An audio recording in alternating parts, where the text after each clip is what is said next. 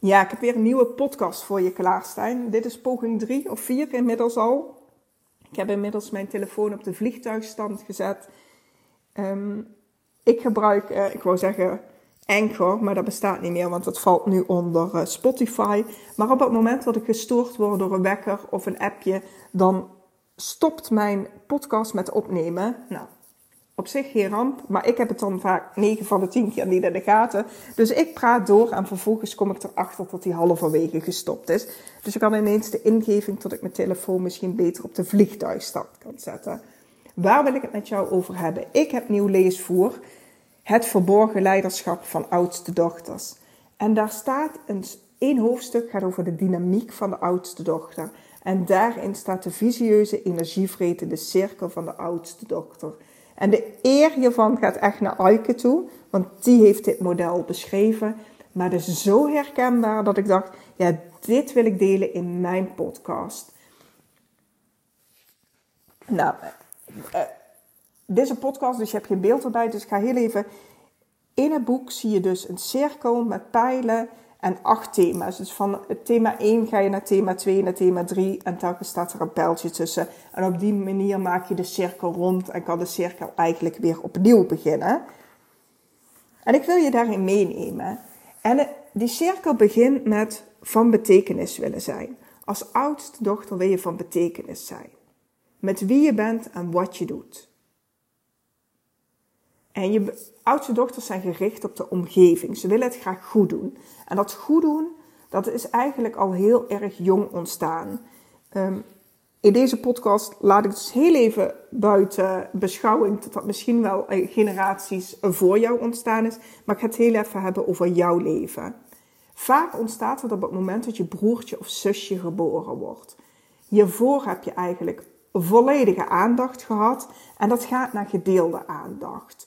Weet je, dat jonge babytje, dat is volledig afhankelijk van je ouders. Dus om aandacht te krijgen, ga jij dingen doen.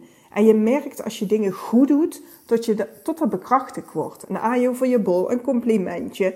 Dus dat is voor je brein eigenlijk een signaaltje van, nou, daar, daar ga ik nog meer van doen. Dus je gaat steeds meer goed je best doen om ja, eigenlijk gezien en gehoord te worden. En wat daaronder ligt is angst voor afwijzing. Nou, Oké, dus als oudste dochter wil je van betekenis zijn. Jij hebt een helikopterview en je ziet wat er moet gebeuren. Oudste dochters zijn gericht op de omgeving. Je ziet echt in een split second wat er moet gebeuren. Bedenk maar eens als je ergens binnenkomt um, en je kijkt om je heen, dan heb jij eigenlijk al bedacht wat er moet gebeuren. Daar denk je niet over na. Je ziet dat. Dat ja, een soort van tweede natuur eigenlijk. Maar wat er dan gebeurt is dat je in gaten sprint springt die vallen of die dreigen te vallen. Dus soms is het nog niet eens eens ontstaan, maar je ziet dat hier iets moet gebeuren. Je denkt er dus niet over na. Dus voordat je het weet, heb je die taak, die opdracht, dat werk al naar je toe getrokken, zonder je af te vragen of dat eigenlijk wel jouw verantwoordelijkheid is. En dan komen we direct eigenlijk bij het volgende punt. Jij beschikt over een groot verantwoordelijkheidsgevoel. Op het moment dat jij als oudste dochter iets doet, dan gebeurt het goed. Anders heb je eigenlijk ook de neiging om het niet te doen. Oudste dochters hebben de neiging om, als ze het niet goed kunnen doen, het niet te doen. Dat wat je doet, doe je goed. Thuis, op het werk, in je mastermind clubje, maakt niet uit. Je bent loyaal, betrokken, je werkt hard en de lat ligt voor jezelf ontzettend hoog. Oudste dochters vinden het lastig om nee te zeggen. Maar dat betekent dus dat je ja zegt tegen werk, opdrachten, taken die eigenlijk te veel tijd en energie van je vragen. En dan komen we op een volgend punt, want die taak of die opdracht weer teruggeven of hulp vragen, dat heb je niet geleerd. Je bent geneigd en gewend om het alleen op te lossen. En misschien herken je jezelf wel van, nou weet je, ik heb wel eens hulp gevraagd, maar goed, dat heeft mij geleerd dat ik het juist beter alleen kan doen. Dan gaat het sneller, is het efficiënter, is het makkelijker. Dus dat kan ook nog. Wat je vervolgens doet, is je schouders eronder zetten en je krijgt dingen voor elkaar. Oudste dochters krijgen veel voor elkaar. Ze kunnen veel ballen in de lucht houden. Alleen dat uh, wat nodig is of wat moet gebeuren voor anderen, dat krijgt prioriteit. Boven je eigen werk, boven dat wat jij graag zou willen doen. Op het moment dat je geluk hebt, dan krijg je erkenning en bevestiging dat het fijn is wat je gedaan hebt voor die ander. Maar op het moment dat dat niet gebeurt, voel jij je niet gezien en niet gehoord. En dat kan echt een ontzettend nagevoel opleveren. Dat is een van de redenen waarom ik gestopt ben bij mijn loondienstbaan. Ik voelde me niet gezien en niet gehoord. Maar goed, ondertussen kom je dus niet toe aan je eigen werk. En wat je dan vaak ziet, is dat oudste-dochters in hun hoofd tegen zichzelf gaan zeggen um, dat je het eigenlijk anders wilt, maar dat je nog even door moet zetten. Het wordt wel rustiger. Je hebt bijna vakantie, het is bijna weekend, die deadline zit er bijna op en daarna wordt het rustiger. Wat er dus gebeurt is dat je eigen werk waarmee je impact wil maken blijft liggen. Je bent druk, verliest overzicht, focus, je agenda zit bomvol met afspraken, je laat je leiden door je mail, je telefoon, de waan van de dag. Je hebt het gevoel dat je geleefd wordt.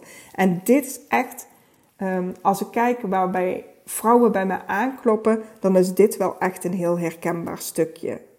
Want de dingen die jij wil doen en die op lange termijn verschil gaan maken, daar kom je niet aan toe.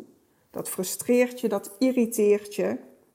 Jij bent druk, te druk. Je hebt het alleen maar druk. En dat levert op dat je het gevoel hebt dat je tekort schiet. Dat je niet die kwaliteit kan leveren die je graag zou willen leveren. Oudste dochters willen graag kwaliteit leveren. Dat zorgt ervoor dat je je schuldig voelt.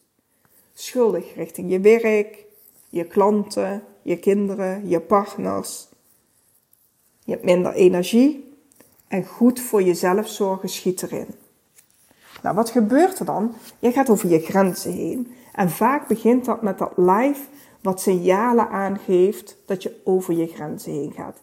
Denk na over gespannen schouders, gespannen nek, gespannen rug. Maar je ziet het ook terug in je gemoedstoestand. Je bent prikkelbaar, ehm, een korter lontje, je valt uit richting je kinderen, je partner.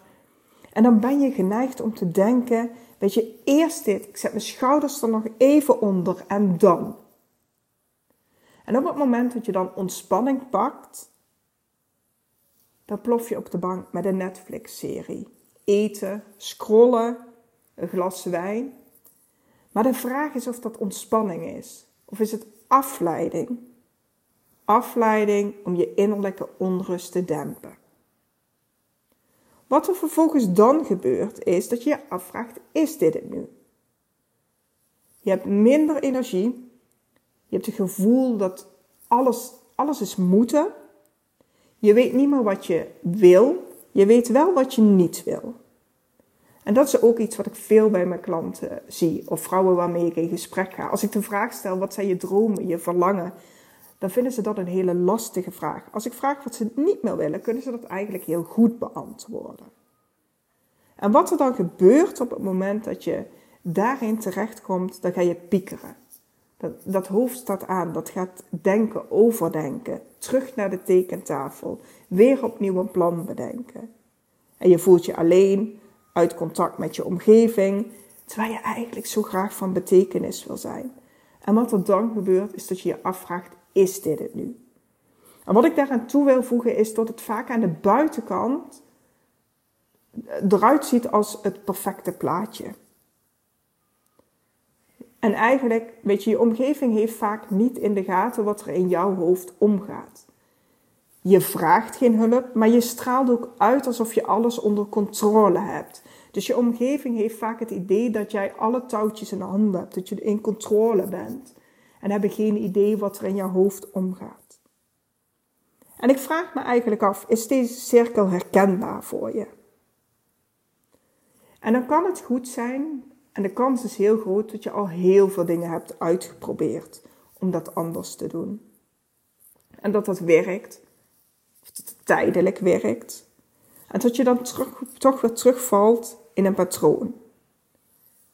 En wat je dan ziet is vaak dat je streng tegen jezelf bent. Die innerlijke criticus die is dominant op die momenten. Draait overuren. En dat heeft te maken met um, en dat is eigenlijk wat Aike uitlegt in haar boek. Van, nou, weet je, die, die energievretende cirkel, die breek je niet zomaar. Weet je, dat heeft te maken met de onderstroom. En Aike werkt heel erg met opstellingswerk. Dus daarin pakt zij uh, dat stuk. Ik kijk veel meer vanuit de kant van hey, wat zijn je overtuigingen? Wat zit er in je onderbewuste? Voorgaande generaties. Maar ook dat vrouwenbrein. Hoe, hoe zit dat? En welke invloed heeft uh, dat hierop? Maar goed, we zijn het met elkaar eens dat als je deze cirkel wil doorbreken, dat je dat aanpakt in de onderstroom, in het onderbewuste. Dus je gaat niet op de symptomen en de patronen zitten, dat wat zichtbaar is, maar je gaat aan de slag in die onderstroom. En daar wil ik het nu, vandaag in ieder geval bij laten. En laat mij weten als die visueuze energieslurpende cirkel herkenbaar voor je is. Ik ben daar heel nieuwsgierig naar. Voor mij was het heel erg herkenbaar. Ik zie het ook heel veel terug bij mijn klanten. Dus um, ja, laat me weten, is dat herkenbaar voor je? Vind dat ook leuk om te horen. Als ik een berichtje van je krijg, dan heb ik ook meteen een beeld en een gezicht bij wie mijn podcast luistert. Want nu zie ik vaak alleen maar in de statistieke cijfers. Maar wie zijn dan die mensen die mijn podcast luisteren? Nou, ik ga me afsluiten. Ik hoop iets van jou te horen en ik wens je een fijne dag.